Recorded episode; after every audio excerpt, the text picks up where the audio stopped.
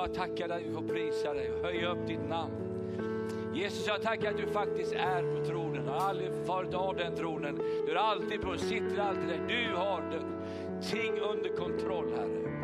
Och vi tackar att vi får lyfta våra ögon idag upp mot himmelen och se var vår hjälp ska komma. Vår hjälp kommer från Herren som har skapat himmel och jord. Vår hjälp kommer från honom som är universums skapare. Som, har, som håller stjärnor i sin hand, som håller himlarymden, som har skapat allt och genom allt. Och till honom allt vi skapat, Herre. Det namnet höjer vi upp idag. Och vi tackar att du är i kontroll över allt som sker i vårt land. Och vi tackar för vårt land, vad du vill göra i Sverige det här året, Herre. Vi prisar dig i Jesu namn. Amen. Varsågoda och sitt ner. Tack så jättemycket för härlig lovsång och tack PO för de fina välkomstorden. Eh, har ju alltid haft en kärlek till den här platsen, även om vi inte har kunnat vara här varje dag. Så eh, älskar vi Sävsjö, vi älskar komma hem till Småland. För mig är det alltid komma hem. Och när jag ser er alla här idag så bara rörs mitt hjärta så starkt. För vi, har, vi känner många av er och vissa känner vi många år nästan som jag säga flera tusen år. eh, också ett tack till det här fantastiska teamet som kom härifrån med Samuel och andra upp till Östervåla. Vi har ju på bygget ett hem där, ett flickhem för tjejer som behöver hjälp och som har kommit snett i livet och, och det här är igång nu. Och vi har haft vår första dopförrättning och en av flickorna går på bibelskolan. Eh, och liv håller på att upprättas på den platsen. Vi är så glada för det här och eh, tacka Gud för att ni kom precis i rätt tid och hjälpte oss när vi stod där hjälplösa det sista. Så bara ringde de från Sävsjö så kom de. Var ni sju stycken Samuel? Eller var ni? Sex, sju stycken. Det, var, det kändes som det var sju. Fort gick det och det vi slet och vi, och vi hade inga krafter kvar vi som hade jobbat där och så kom ni bara och lyfte alltihop. Det var otroligt fint och nu har flickorna kommit in och det är så underbart att se vad som sker i unga människors liv. Ja, men vi tror det är bara början. Vi skulle vilja ha tio sådana här hem. Och eh, vi, vi, vi, tror på att Gud vill använda Sveriges kristna en gång att lyfta upp de som är svagast, de som inte orkar, de som kämpar. Och eh, det finns flera hem här runt om också som jobbar här i Småland. Vi tackar Gud för alla. För I den här branschen finns det ingen, finns det ingen eh, vad heter det? konkurrens, det är bara companionship. Vi hjälps alla åt för att rädda. Eh, så jag är glad att jag har Monica med mig också. Vi har precis blivit farmor och farfar här för en vecka sedan. Så vi fick vårt trettonde barnbarn. Vem kunde tro det liksom för några år sedan att vi skulle ha 13 barnbarn? Jag klagade till pastor Ulf och sa jag får ju inga barnbarn. Så här, Ta det lugnt, de sköter det själva, sa han. och så blev det. Och nu bara det in här varje år så, så flödar in barn. Och eh, det höll på att gå riktigt illa. Hon höll på att dö, mamman. Fick en propp i hjärnan precis innan förlossningen och eh, det var så nära att både hon och barnet hade strukit med. Men Gud gjorde ett under. Och, och jag sa till PO, det var bara Guds nåd. Vi kom, de kom in på akuten i Stockholm och, och eh, så när de stod där så, så kommer en läkare som är lite, han var, han var ingen sån här person, säger, personkemi i honom, han, han, var inte vänlig och otrevlig utan han bara tog en skakade henne i huvudet och sa, du har en propp i skallen, in på röntgen direkt. Alla trodde hon hade huvudvärk men hon hade en propp i hjärnan faktiskt. Men eh, Gud räddade hennes liv. Och synen också och allt som skulle förstöras för en ung människa. Så vi är så glada. Och nu har vi en liten Filipp som vi ska åka och titta på nästa vecka tror jag. Det är väldigt roligt. Det är ju så med avstånd nu. För ju, det är förfärligt. Jag som är så älskar människor, man får inte hälsa på folk på riktigt. Och, så vi, det, vi brukar säga att vi håller avstånd, men vi får komma närmare Gud istället. Han ska vi inte hålla avstånd ifrån den här tiden. Monica, kom upp här lite grann och säg någonting. Du är, är ju alltid en duktig talare. Det finns en mikrofon där. Ja, jag tror du får ta en mikrofon. Gott att se alla som är där ute också på nätet. Gud välsigne er hemma i era hem också.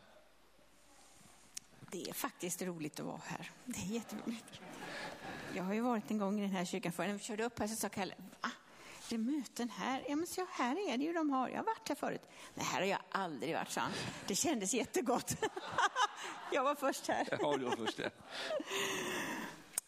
Ehm, jag ska bara läsa två bibelord som har ringt till mig ibland sådär man, man, man läser ett bibelord och så för att liksom aktualisera så får man som en bild.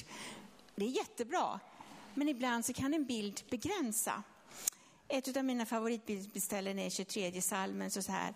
Herren är min herde, mig ska inget fattas. Och sen det här, han låter mig vila på gröna ängar. Han för mig till vatten där jag finner ro. Visst är det fantastiskt?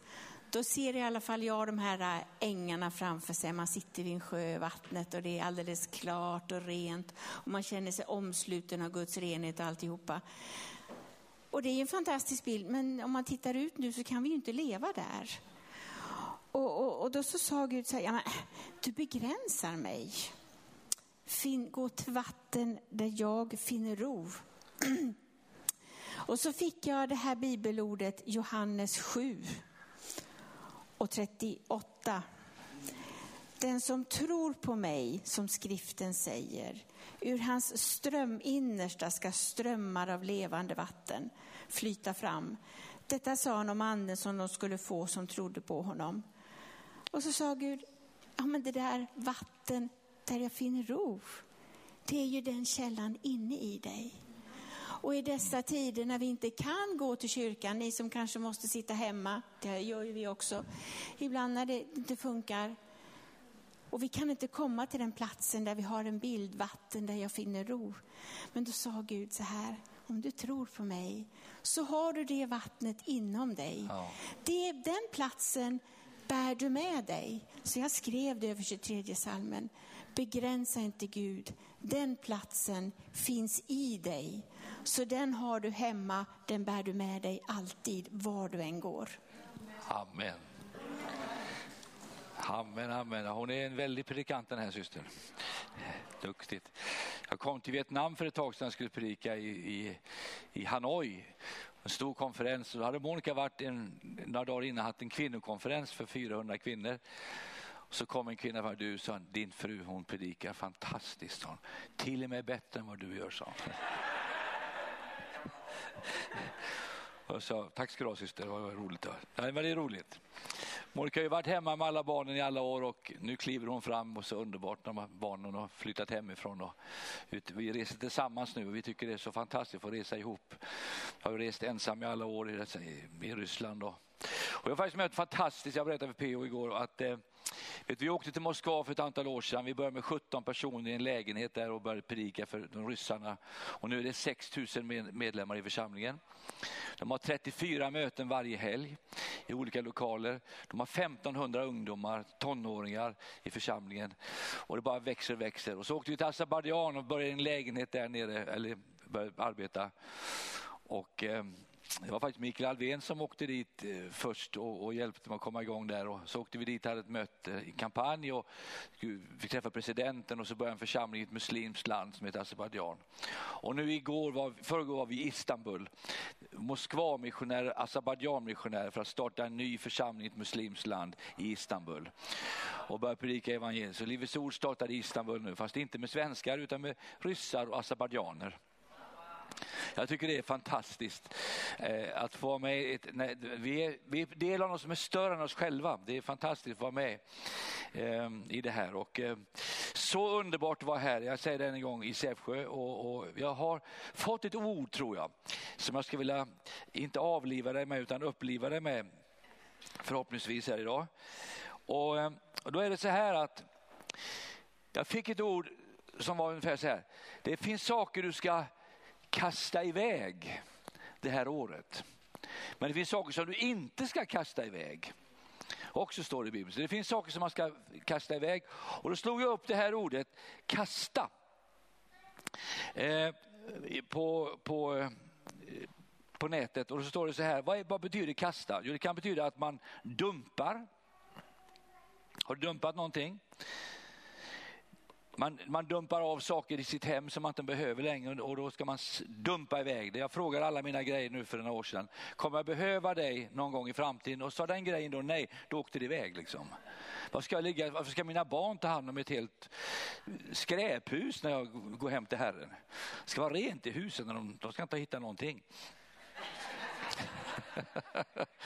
nej då, de, ska, de nöjer sig kanske med bankkontot. Det kan också betyda göra sig av med.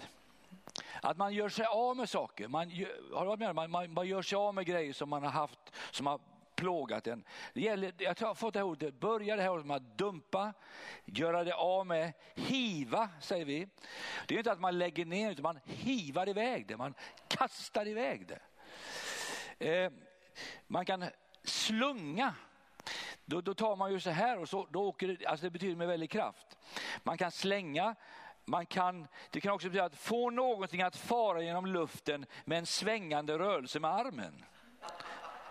Så här, det är det vi ska göra. Och så betyder, kan också betyda kassera. Det kan betyda med hävarm förpassa till luftburen bana.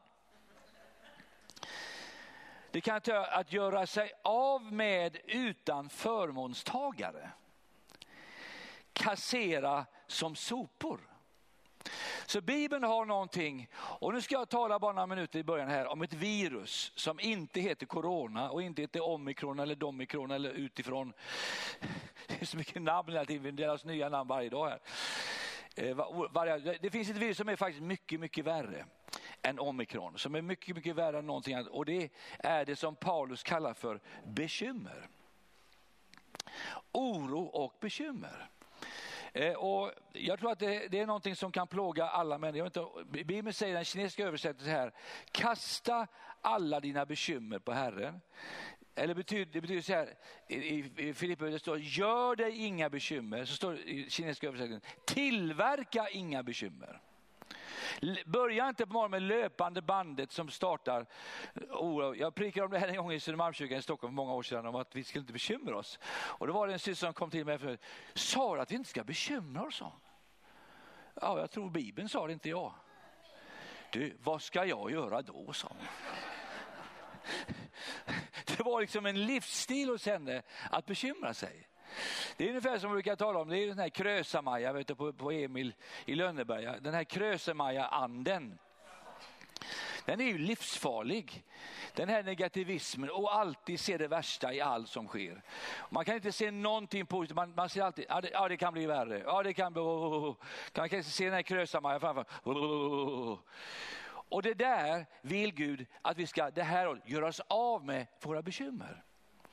Vi ska, vi, ska, vi ska faktiskt kasta dem på Herren.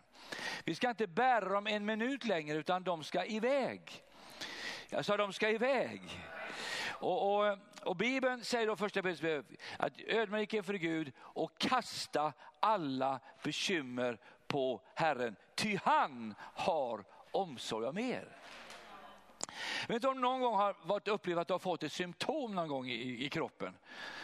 Och så gör du det där misstaget som jag gjorde en gång att jag gick in på nätet och, och, och googlade på det där. Då. Och det blev ju bara värre för varje klick jag gick in. Liksom. Och till slut var jag ju döende liksom, en liten där, alla klickar. Det där kunde leda till det som kunde leda till det. Och till så, så kom Monica in och så sa hon, men vad, vad håller du på med? Jag surfar på nätet om mina symptom, sa hon. Då sa hon, sluta med det, sa hon. Surfa i Bibeln istället, sa hon. Det är den bästa surfen vi kan ha. Därför att nu är det tider faktiskt att, att man låter de här bibeln börja rulla på insidan. Att man kastar bort de här bekymren som plågar en, som sargar en. Och man låter den helige ande, man tar tag i man börjar slunga, man gör en, så det far genom luften med en svängande rörelse. Följ din kavaj lite grann. Det här är en sån här typisk sak som eh, vi kan kalla det här för våra bekymmer. Vad gör vi med dem? Jo, vi lägger dem på oss så här. Och så kommer vi så här. Ja, nu är det jobbigt.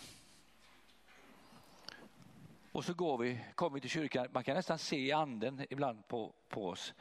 När det, när det här det bara tynger ner och tynger ner. Ja, ja. Jag brukar säga det, de här tolv spejarna som åkte in i det förlovade landet. Är det någon av er som kommer ihåg namnen på de tio?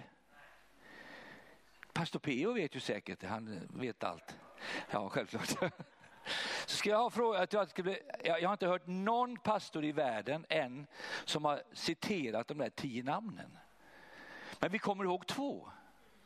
Vet du varför vi kommer ihåg två? Därför att de hade en annan ande. De hade trons ande. De, var, de andra bekymrade sig för alla jättar, allt de såg, allt elände som var där. De orkade inte, se, de bara sa nej vi kommer aldrig klara det, de är som jättar, vi är som små, vi kommer aldrig klara det här. Man såg det negativa, men Kaleb och Josua hade sagt det ska bli en mumsbit för oss. Och jag tror att vi ska vara de krafterna i samhället idag, i, i kyrkorna, som tror på framtiden. Som tänker det ska gå bra det här. Det ska bli väl, vi kommer igenom den här tiden. Det här är en liten tid men vi kommer igenom det här. Det finns någonting som säger vi är snart igenom. Ja. Och så lyssnar vi på tv och så går vi på nätet och till slut ser vi ingenting. Vi ser bara bekymren. Vi har slöjor över oss. Vi säger vi är arga på oss som har slöjor, men, men, men tänk vad kristna går med slöjor. Vem är bakom slöjan? Det är en bekymrad människa. Hallå? Och vi ser ingenting. Vad, vad säger Bibeln då? Jo, vi ska kasta våra bekymmer. Åh, oh, vi ska göra oss av med bekymren, vad härligt. Och då gör vi så här. Men då är det så här, det, våra bekymmer blir lätt en liten snuttefilt. Vet du vad en snuttefilt är? Som barn har hemma. Mm, mm, mm så vi kastar, jag kastar alla bekymmer på Herre. Och så går vi så här liksom. Ja, kära någon, det är jobbigt. Det är ju allt är jobbigt. Det, och ibland är ju livet tungt. Ibland är ju livet så att vi tappar liksom, det, saker kan hända. Jag menar, när vi var förra veckan när vi hade den här kampen med våra barn och barnbarn som höll på att dö bägge för oss. Det var förfärligt. Men det var underbart att leva tillsammans med människor som trodde på Gud. Och vad säger vi? Inte att vi ska gå och bära det som en snutt utan kasta dina bekymmer på Herren. Hiva iväg dem den här förmiddagen. Låt inte dem bära ner dig, dra ner dig i smutsen så att du inte orkar upp. Gud vill att du ska leva över och inte under.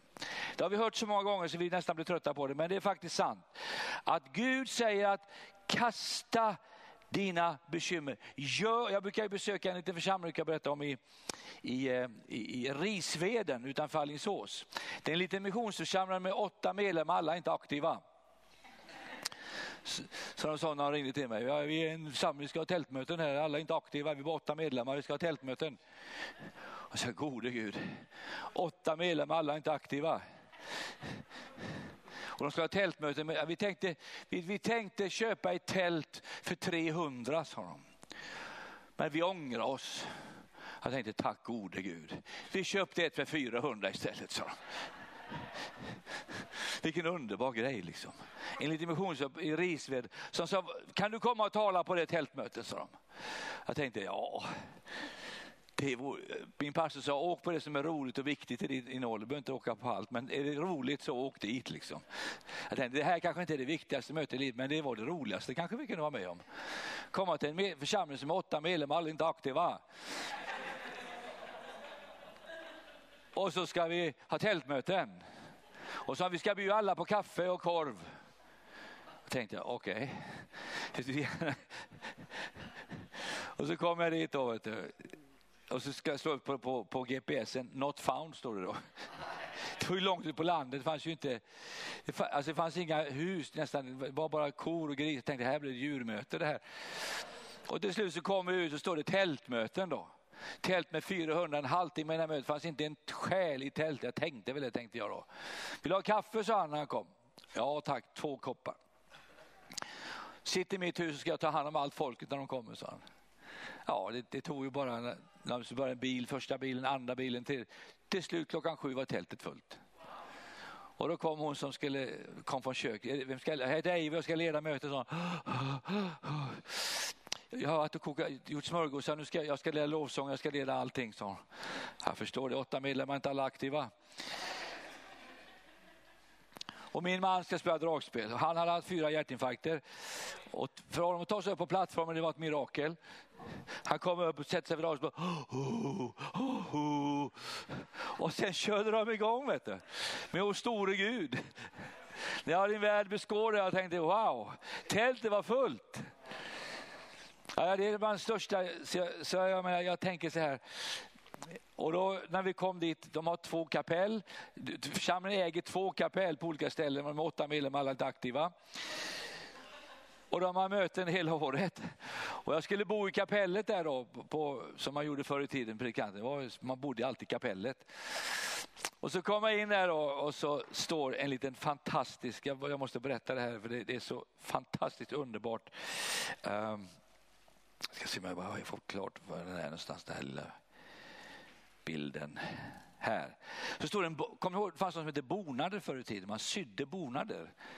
Och det, här står det en liten bonad i det kapellet, där står det, sluta aldrig att önska. Sluta aldrig att be och sluta aldrig att hoppas. Under kan ju ske. Jag tycker det var så fint. Det, var, och det, var, det är precis vad Bibeln säger. Gör dig inga bekymmer.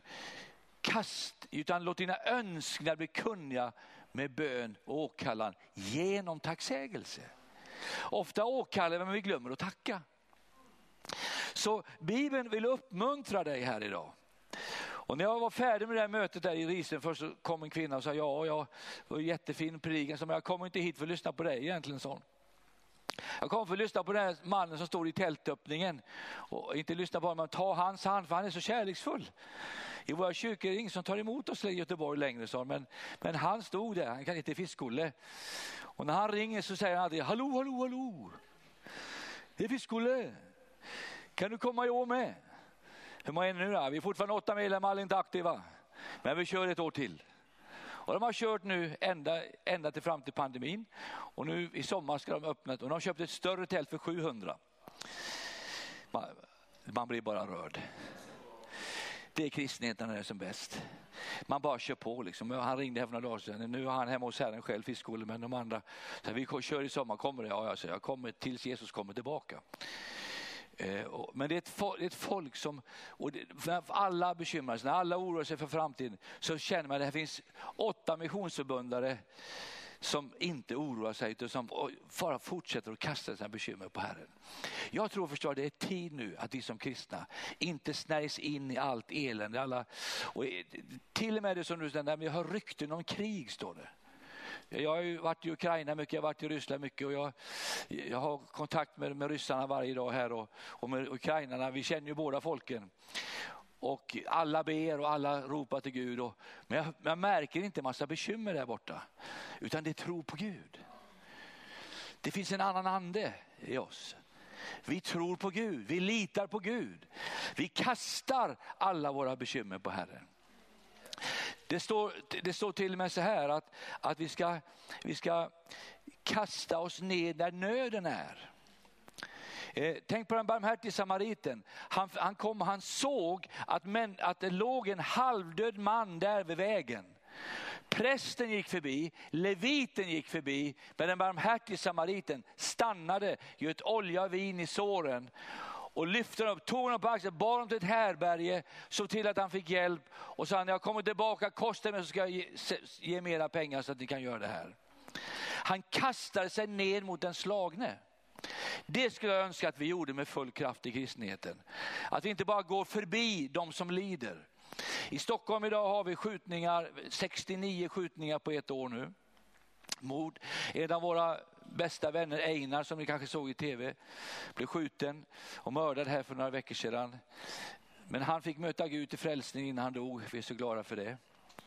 Jag är så tacksam till Gud att, att, att, att det finns människor som kastar sig ner mot nöden. Och nu har vi har känt nu vi ska göra här i, i år och vi tog beslutet igår att vi ska hyra Tele2 Arena i Stockholm i september. Eh, två kvällar, ska vi, två dagar av väckelsemöten ska vi ha i Stockholm. Och då måste ni komma upp allihopa. Bara kom hela Sävsjö. Vi ska fylla Tele2 Arena med 30 000 människor. Och vi, vi tror att kanske vi får 10 000 nyfrälsta på lördagskvällen. På fredagskvällen ska vi ha en manifestation mot våldet. Eh, biskopen i Strängnäs kommer tala, Sebastian kommer tala och vi kommer ha 30 000 ljus där vi ska hålla upp som manifestation mot våldet i, i Sverige. Och vi tror också att många, många politiker kommer vara med. Sebastian ska göra en ny sin podd igen nu, han ska börja intervjua partiledarna nu inför valet. Det blir spännande. Alla har, tror jag, så gott som ställer upp och det verkar se väldigt positivt ut och det, det, det, det är fullt tryck nu kan jag säga. Eh, när alla lägger sig ner så känner vi att vi måste resa på oss nu. Precis som du sa, vi ska, resa, vi ska inte gå in i små lokaler, vi ska i de största lokalerna nu. Vi tror att tältet som vi hade här i Säkert kommer bli för litet i Stockholm. Så vi går in i Tele2 Arena nu. Så ställ oss med i tro med det, för vi tror att det här är viktigt att nå Sveriges ungdom med evangelium nu. Eh, Sebastian gjorde en, en, eh, en, en, en, Facebookinlägg bara för några dagar sedan att han ville ge tio föreläsningar, tror jag det var, gratis om, om droger på skolorna. Han fick 97 svar från 97 skolor på några minuter bara som ville att han skulle komma och tala om. En, en lärare, jag hörde inspelningen igår, satt bara och grät och grät och grät. Vi har så jobbigt på skolorna. Tack Sebastian att du kommer hit och ger oss hopp och framtid. Det är nu är det dags att ge framtid. Nu ska vi inte gå in i bekymmer och se det värsta. Vi ska inte se djävulen i allting. Utan låt oss se Gud i allting. Alltså, låt oss se, det var aldrig sagt förut, det var väldigt bra. Får skriva upp Morka. Vi ska inte se djävulen i allting. Vi ska se Gud i allting. Amen. Jag sa amen. Det är dags nu att våga. Och det är min nästa punkt i det här. Det är saker vi ska, vi, ska, vi ska kasta iväg. Vi ska kasta iväg bekymmer för det är ett virus som är värre än någonting annat. Vi ska kasta fruktan, vi ska kasta iväg och vi ska kasta oss ned inför nöden. Och vi ska kasta bort synden i våra liv. Vi ska göra oss av med det som plågar oss. Vi ska inte leva kvar i leran, vi ska ställa oss upp, rykta huvudet upp. Men sen kommer nästa sak som vi inte ska kasta ner. Och det är Hebreerbrevet 10.38. Kasta inte inte bort din frimodighet, för den har med sig stor lön. Säg stor lön. Alla tycker om stor lön. Alltid när du är frimodig, när du vågar bryta mönstren så kommer kraften och styrkan och lönen. Vi har en, en broder i, Stockholm nu som vi är så glada han är med Han eh, jobbar på Livets Ord nu eh, i Uppsala på ett gym. Han heter Bets. Han, har ju blivit, han var ju den som kanske var den mest våldsamma eh, kriminella vi har haft många år i Sverige. Han, eh, han körde ifrån 27 polisbilar och två polishelikoptrar och klarade det. Det är inte alla som klarar det. Men han gjorde det. Men han, säga, han kunde inte köra ifrån sin mammas böner. För mamman bad för honom i tio år. Mamman var frälst. Betsa, och när, när det var som värst så var det ingen som trodde på att han någon gång skulle bli frälst. Till och med Sebastian Stackes mamma sa att Sebastian kunde bli en kristen kunde man ju tänka sig, men inte Bets. För han var värstingen, han, var, han, han, han, var, han misshandlade folk, han slog folk, han, han var också del av kartellen och allt vad det var. Men en dag så mötte han Jesus Kristus. En dag så mötte han honom, frälsaren, som kom in i hans liv, förvandlade allt. Och, och bara på några liten tid bara så blev hans liv förvandlat. Men så var han på väg, så, så sa, jag berättade det här för P.O. igår, så, han berättade för, för några dagar sedan bara, jag blev så rörd. Så eh, fick han till slut och åklagaren som skulle, sa att nu har vi fast bets, nu ska vi sätta fast honom. Vi har 28 punkter emot honom. Och det är 15 års fängelse som skulle gälla. Och eh, det var grova brott som hade begåtts. Så I tio år sa åklagaren har jag jagat honom, men nu har jag honom. Och då hade han precis blivit frälst. Och på vägen till rättegången så säger advokaten, nu säger du ingenting, du erkänner ingenting, de har inga bevis för det. Så han, och han gick på. Och så hör han Herren bara tala som säger, sanningen ska göra dig fri. Så när han kom till det så, så reser han sig upp utan advokatens till, till godkännande och så säger han så här, jag måste bara bekänna alla mina synder här, sa han. Jag är skyldig till alla punkterna, utom tre punkter. 25 är jag skyldig till. Så går han fram till varenda person som han hade misshandlat och säger, jag har gjort det här och jag har gjort det här och jag har gjort det här mot dig. Men jag ber om förlåtelse. Men det var inte den bets du ser idag som var en annan bets. Jag har blivit en kristen. Och sen, här är mina händer, sätt fast mig. Jag tar vad som straff som finns. Och domaren han avslutar förhandlingarna och på vägen hem så kommer en bil och kör på. Det är åklagaren som stannar jämte honom. Och säger Bets, det där har jag aldrig sett något liknande i hela mitt liv, sa han. Lycka till, sa han. Så kommer det en bil till, det var domaren som stannade. Och sa, heja Bets. I 30 år för han har jag aldrig sett något liknande som jag har sett idag. Och så kom domen två veckor senare. Tre års fängelse fick han. Men så sa vi har ett nytt program nu att du behöver inte gå in, du får, du, får, du får göra det här med fotboja och så får du gå. Och sa, jag vill gå på bibelskola på Livets Ord. Ja det låter bra sa han. Och så gick han bibelskolan och så sa jag vill åka till Afrika missionsresa också. Jag betalar kriminalvården resan till biljetterna. Sanningen ska göra dig fri liksom. Sanningen ska göra dig fri. Och så gick, åkte han till Afrika med en kille och predikade. Så gick han på bibelskolan. Han skulle söka bibelskolan så sa hans mamma, ja, jag visste ju att du skulle gå på bibelskolan, sa hon. Jag gick ju själv på Livets Ord för tio år sedan, sa hon. Och då tog jag med mig en anbränningsblankett, sista jag gjorde, och satte på kylskåpet. Jag har, suttit där i, har du sett den där blanketten som sitter på, på kylskåpet? Är det, ja, den tog jag för dig, för att jag visste att en dag ska du gå på bibelskolan. Och nu är han frälst och nu arbetar han heltid på Livets Ords gym och tränar folk. Så på, imorgon ska Monica dit och plågas. Han plågar oss alla. Men så gifter han sig också dessutom. Och det var, jag, jag grät mig igenom det. det alltså, vilket bröllop alltså. På Livets Ords, på torget där på Livets Ords torg sitter det liksom hela gangstereliten. Liksom. Där sitter, ja, jag kan inte nämna alla namn, men, men det var helt galet. Och de går alla fram till Bets och så ställer de sig runt honom och säger, ja Bets, vi vill bara tacka dig för alla år. När vi rånade banker så var det alltid du som såg till att vi kom hem igen. Och du har alltid varit en pastor för oss. Och jag bara grät och där stod de och de kramade och en sån kärlek. Och så frågade jag, vem är den här flickan du har träffat? Ja, hon heter Hanna. Det, han är ju bankrånare och nu har han gift sig med riksbankschefens barnbarn. Jag tycker det är Guds humor liksom att riksbankschefens barnbarn gifte sig med Bets, Betsafa. Halleluja. Alltså halleluja, prisa vare Herrens namn. Vet att Gud gör någonting i Sverige idag. Och det jag ser över de här ungdomarna, det är frimodighet. Och jag bara önskar att jag skulle smittas lite grann av det där. Att smittas lite grann av den här frimodigheten. För jag själv föddes i frimodighet. Och jag, jag kände, och jag, jag, fick en bild framför mig på morgonen idag, att Gud vill låta hornen växa på oss igen. Förr klippte man av horn på, ko, på tjurarna ibland, för de skulle tappa sin frimodighet. Men Gud ska inte, djävulen ska inte klippa ner hornen på Kristi kropp. Jag håller med dig Stebbe, vi ska stå upp, vi ska ställa oss upp och låta hornen växa som vildoxen. Därför att frimodighet har med sig stor lön. Jag sa frimodigt har med sig stor lön. När du ber Gud, vad, vad bad man om i Apostlagärningarna 4? det står så här, när de såg deras frimodighet förstod de att de varit med Jesus. Och när de blev arresterade kom, så bad de, Herre ge dina tjänare frimodighet, att de må förkunna ditt ord med frimodighet. Att du uträcker din hand för att bota de sjuka. Jag tror det är dags för mirakler igen i Sverige. Jag tror det är dags för helbrägdagörelsen av icke vanligt slag. Och jag tror att än, än idag gör Gud under. Än idag gör Jesus under i Sverige. Och frimodighet har alltid med sig stor lön. Alltså det alltid med sig stor lön. Har du känt någon gång när, du, när frimodighetens ande kommer över dig? När du känner att det här är inte jag, det här är Guds frimodighet.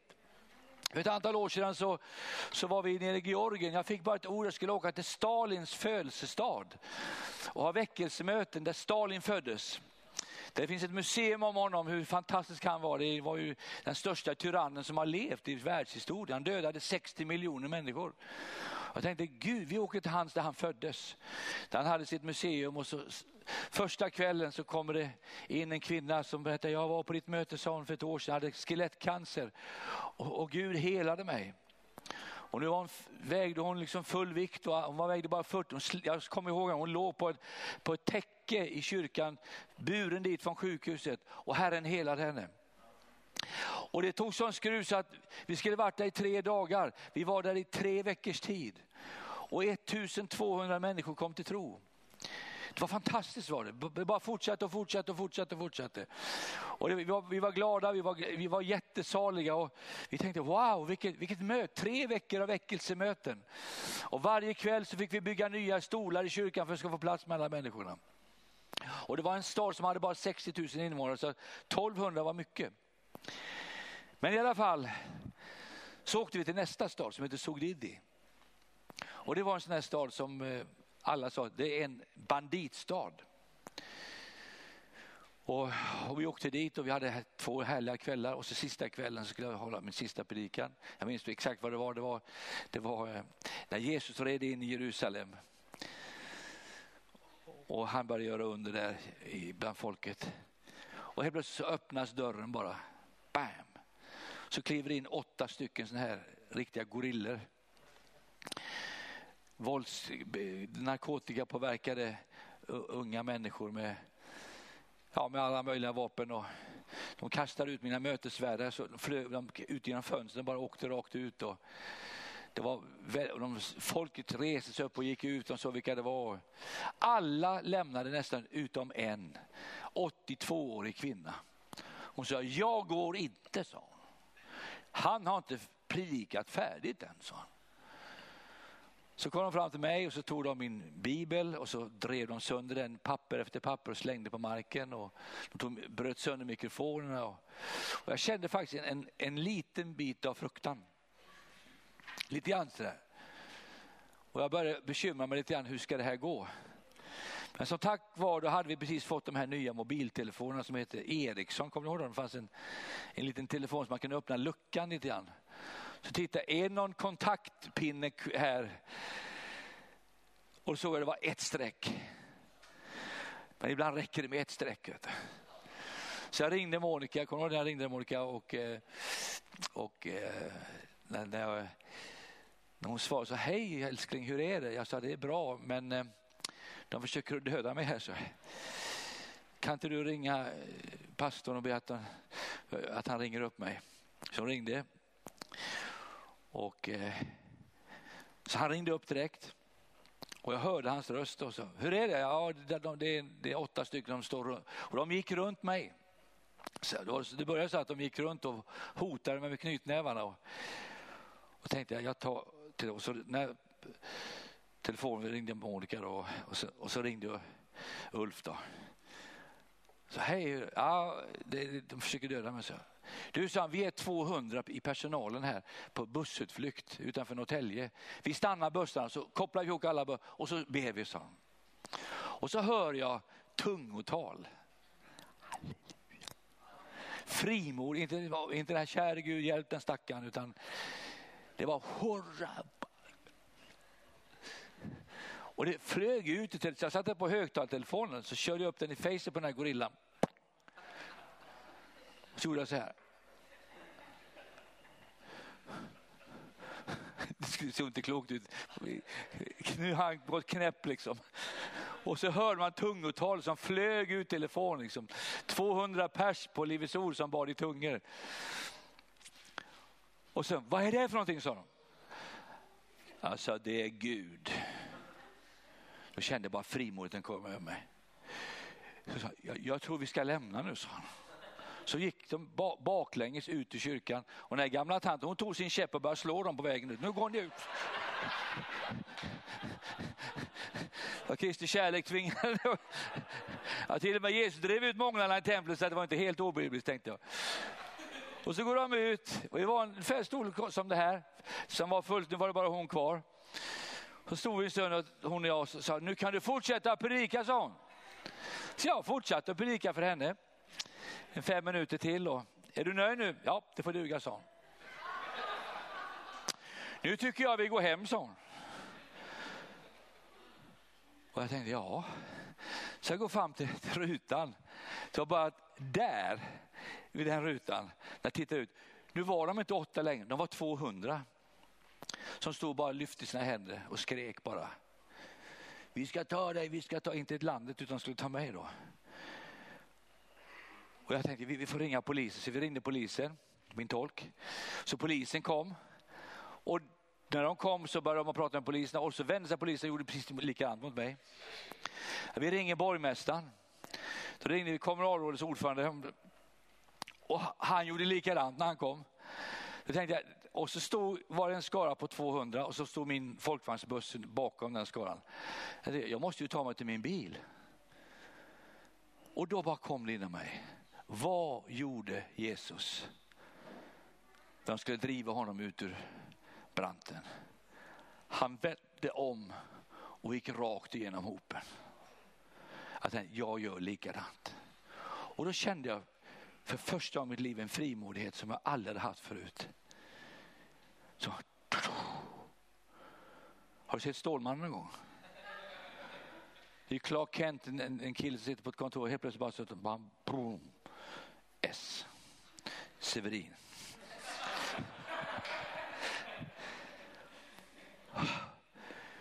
Och det var, jag kände det var inte jag.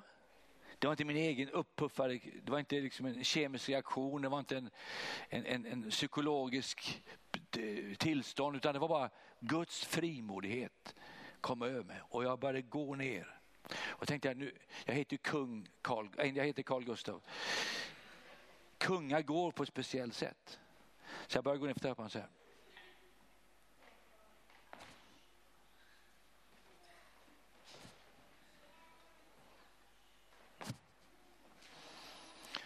Jag tänkte, so far so good.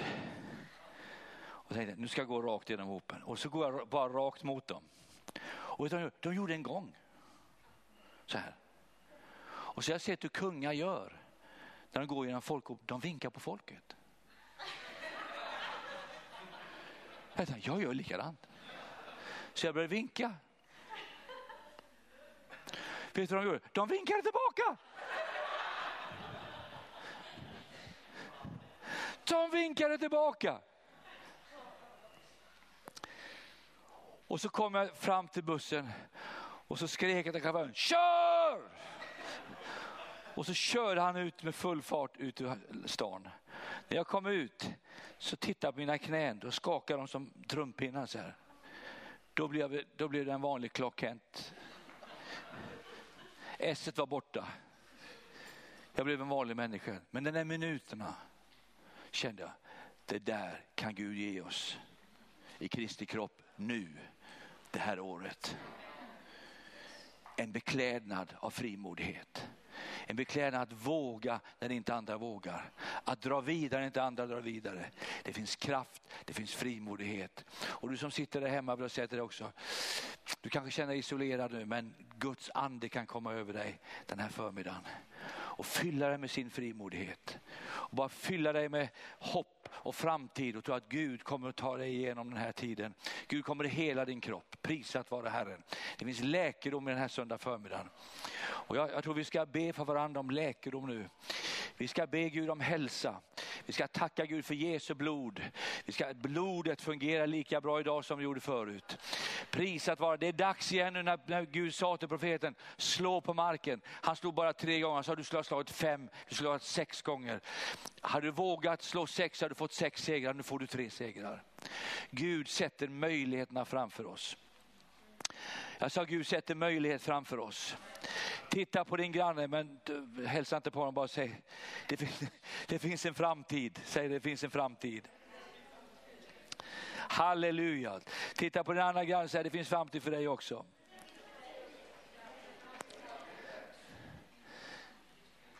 Till sist, var ska frimodigheten komma igenom? Jo, den ska komma till oss i våra böner.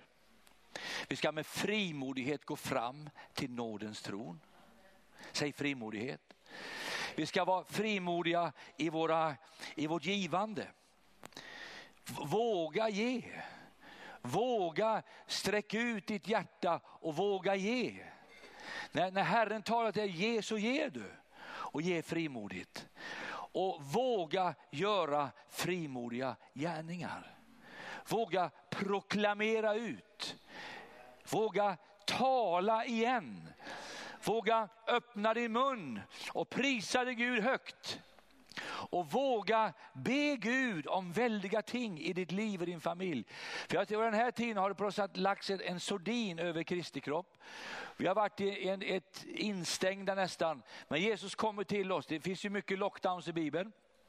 Daniel Lejongropen, Paulus och Silas i fängelset och det finns många platser. Jesu lärjungar satt med instängda dörrar eh, på uppståndelsens morgon. Men Jesus hade inte ett ord, för han hade ett ord av möjligheter. Det finns en framtid och det finns ett hopp.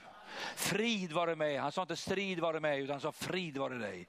Han talade frid, han talade framtid. Det finns hopp och det finns framtid för Guds folk idag.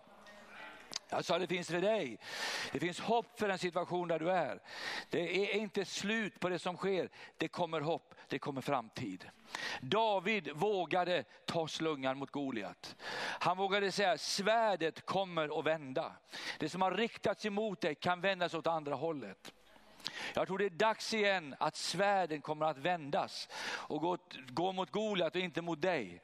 Och vi, har, vi har känt en attack på hela Kristi kropp de här pandemin. Det har varit jättesvårt för många och det har varit en kamp. Har varit, hemma hos oss, vi har inte haft ett möte på ett och ett halvt år.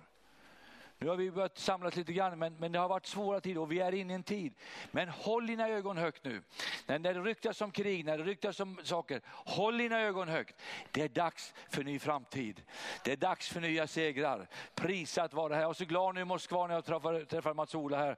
Han berättade mitt i den här pandemin har de köpt en ny lokal för ungdomarna för 20 miljoner kronor kontant. Jag tycker det är så fantastiskt. Alltså de bara brassar på. När det, när det ser som värst ut, då är det som bäst.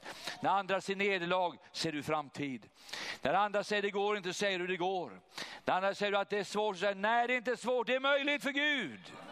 Därför att det finns en ande. När de frågade, när Kaleb var 85 år, så, från, så kom han in på Josuas kontor och så satte han sig ner och sa, sa, vad vill du? Han sa inte ge mig färdtjänst, han sa inte ge mig en rullstol, han sa ge mig bergsbygden. Varför ville han ha bergen? Därför att där fanns jättarna som inte besegrades 40 år tidigare. När, när allt kunde ha gått igenom, då röstades han ner, majoriteten vann och man hamnade med ökensand i munnen. Men det var två som gick in i landet. Det var Kaleb och Josua och deras barn blev väldiga och de tog över. Det var en generation till nästa generation. Jag tänker så här, låt oss vara frimodiga i vår tro på Gud nu. Låt frimodigheten komma i våra böneliv. Låt frimodigheten komma upp när du talar med människor. Våga tala ut. Vi lärde oss för 25 år sedan att vi ska tala ut seger. Har ni glömt det? Att vi skulle proklamera, när det inte fanns någon seger, då skulle vi tala. När allt så jobbigt, då skulle du proklamera. Ta ordet i din mun igen och våga tala ut din seger. Alltså halleluja. Jag ska sluta, men jag har berättat den här berättelsen så många gånger så ska jag sluta. Jesus kommer snart och tiden rinner iväg här. Men jag var i Georgien för ett antal år sedan. Så var mötet precis slut. Jag går ut genom dörren. Så står det en pappa med en liten pojke, tio år gammal, som min son var då. Det här är nästan 15 år sedan. Och säger pappan, det är min son, han ska dö inom tre dagar. Vi har hämtat honom på sjukhuset. Vi var på eftermiddagsmöte där du sa att de som är i den brinnande ugnen så finns en seger. Det finns... Och, jag kände, det gäller min son. Så vi hämtade honom på sjukhuset. Han har tre dagar kvar att leva. Han har cancer i lungorna, han har cancer i levern, han har cancer i njurarna. Alla vitala organ har tumörer. Han är hemskickad från ett tyskt sjukhus. Vi har spenderat alla våra pengar, hela, vi har sålt allt för att få hjälp men ingen kunde hjälpa. Jesus är vårt sista hopp. Jag minns jag stod där och tittade på dem. det kunde ju varit min son, han var tio år hemma. Och vi bad för honom, såg ingen skillnad, det hände ingenting vad vi kunde se. Men jag minns när han gick iväg och bar iväg sonen till taxin upp till sjukhuset igen så hör jag mig själv säga, tala ut utan jag hade planerat det. Jag sa nästa gång när vi träffas du och jag, då ska vi spela fotboll. Och jag visste inte att han var fotbollsspelare, men han var fotbollsspelare. Han var tio år, duktig på fotboll, talang liksom. Så gick det ett år, kommer tillbaka till samma församling, samma människor, samma dörr. Då står det en 11-åring med en gul täckjacka med en fotboll under armen. Jag sa, det här är en kyrka, vi spelar inte fotboll i kyrkan. Ja men du sa ju vi skulle spela nästa gång vi träffas. Är det du? Hans ansikte var inte förlamat längre, det var, förlamningen hade släppt och han var frisk. Alltså, det är fantastiskt. Ska vi, du, det är du liksom. Ja, sa pappan. Han har spelat fotboll hela sommaren, sa Och han älskar fotboll. Kan du signera fotbollen, sa Ja, absolut, sa Så vi, vi gick in i kyrkan och vi spelade faktiskt fotboll i kyrkan den söndagen. Må Gud förlåta oss. Men vi, hade, vi spelade på plattformen, han och jag. Och folket jublade. 70 av hans grannar blev frälsta. Ingen, alla läkare sa det går inte, det finns inget hopp. Men Gud hade hopp. Och tänk det lilla ordet, nästa gång, han hade tagit tag på det. Och jag tänkte, wow. Kom tillbaka året efter, då stod han vid samma dörr igen med fotboll 13 år, 12 år då. Och så kan du signera fotboll en gång till. Okej, okay, så. så visade han upp röntgenplåtarna. Där alla tumörerna satt. Och de nya, inga tumörer. Och sa, vilket är ditt favoritlag? Så. Ja, sa han, det är ju Arsenal, så log han. Du, jag förlåter dig, så. Alla kan ju inte hålla på rätt lag. Och jag tittar på hans bror, vad heter ah, Barcelona? Jag förlåter dig med, så. Men jag lovar en sak. Jag ska skaffa Arsenal-tröjor med era namn på. Vilket nummer då? Tio, sa de. Och du, hade, Messi hade tio, så det ska vara tio då. För Barcelona. Och så tänkte jag, vad har jag lovat nu liksom? Men så tänkte jag, ah, jag åker till Kina på måndag. Kineserna säger sig, copyright means right to copy. På 30 minuter så hade pastorn fixat fram Arsenal-tröjor, Barcelona-tröjor med namn, med deras na yogiska namn och siffror och allting. Och hur roligt var det inte att komma nästa år? Då stod han där med fotbollen, kan du signera en gång till? Och så fick de tröjorna och tog på sig tröjan och tog ett kort på dem. Och så älskar de att spela fotboll. Så fick jag nu en mail för ett år sedan igen. Så sa han, det jag ska, kan du komma på mitt bröllop? Jag ska gifta mig nu. Jag tänkte wow, det fanns hopp för honom. Frimodigt tar med sig stor lön. Och jag vill uppmuntra er, våga börja be för sjuka igen. Våga lägga händerna på dem som lider. Våga tro på Gud om mirakler. Tell Osborn sa en sak till mig. Han sa, you do the telling, people do the believing, but God do the healing. Om du talar ut så tror folk och så helar Gud. Vi kan inte hela dem, men vi kan hjälpa varandra. Ska vi stå upp inför Herren? Prisat vare Herrens namn. Monica, ska du komma fram? Jag vet att vi kan inte lägga händerna på människor nu, men vi, vi, vi ber en bön här. Om du är här och du behöver läkedom, du behöver helande, eller om du behöver någonting annat. Och jag bara hoppas att det här ordet ska följa med dig. Kasta iväg dina bekymmer, men kasta inte iväg din frimodighet. Ta tillbaka frimodigheten. Och bara be, bara be den heliga ande röra vid dig den här stunden. Ska du ta spela lite på piano och tänka på musikerna kommer upp? Monica, ska du bara, bara be Gud att vi får be om frimodighet över Kristi kropp här nu, just nu. Och Fader, jag tackar dig. Jag prisar dig far att du är vår far. Du är vår skapare, du är vår herde. Du är den vi får prisa, lyfta upp ditt namn. Du är den vi får sjunga ära och lovsång till far. Vi tackar dig för Jesus, vi tackar dig för det offer som han gav för att vi skulle få kalla dig far. Vi tackar dig för alla segrar som du har gett i hans namn Fader. Jag tackar dig Fader men jag tackar dig att vi går in i en ny tid nu. Vi tar tillbaks det vi har förlorat. Vi lyfter upp svärdet igen. Vi lyfter upp skölden. Vi lyfter upp frälsningens hjälm. Vi tar tillbaks det vi kanske har förlorat. För vi går in i en tid av segrar. Vi går in i en tid när vi förväntar oss, Far, yes. att få se mirakler. Vi förväntar oss att få se helande. Vi förväntar oss, förväntar oss att människor ska bli frälsta, Fader. Jag tackar dig att du har gett oss vapnen. Du har gett oss utrustning frälsningen. Du ger oss kraften. Fader, och jag tackar dig för att frimodighet, en ande av frimodighet, ska bara svepa in i den här lokalen, in i alla kristna, Fader, när vi ska få se att du gör mirakel.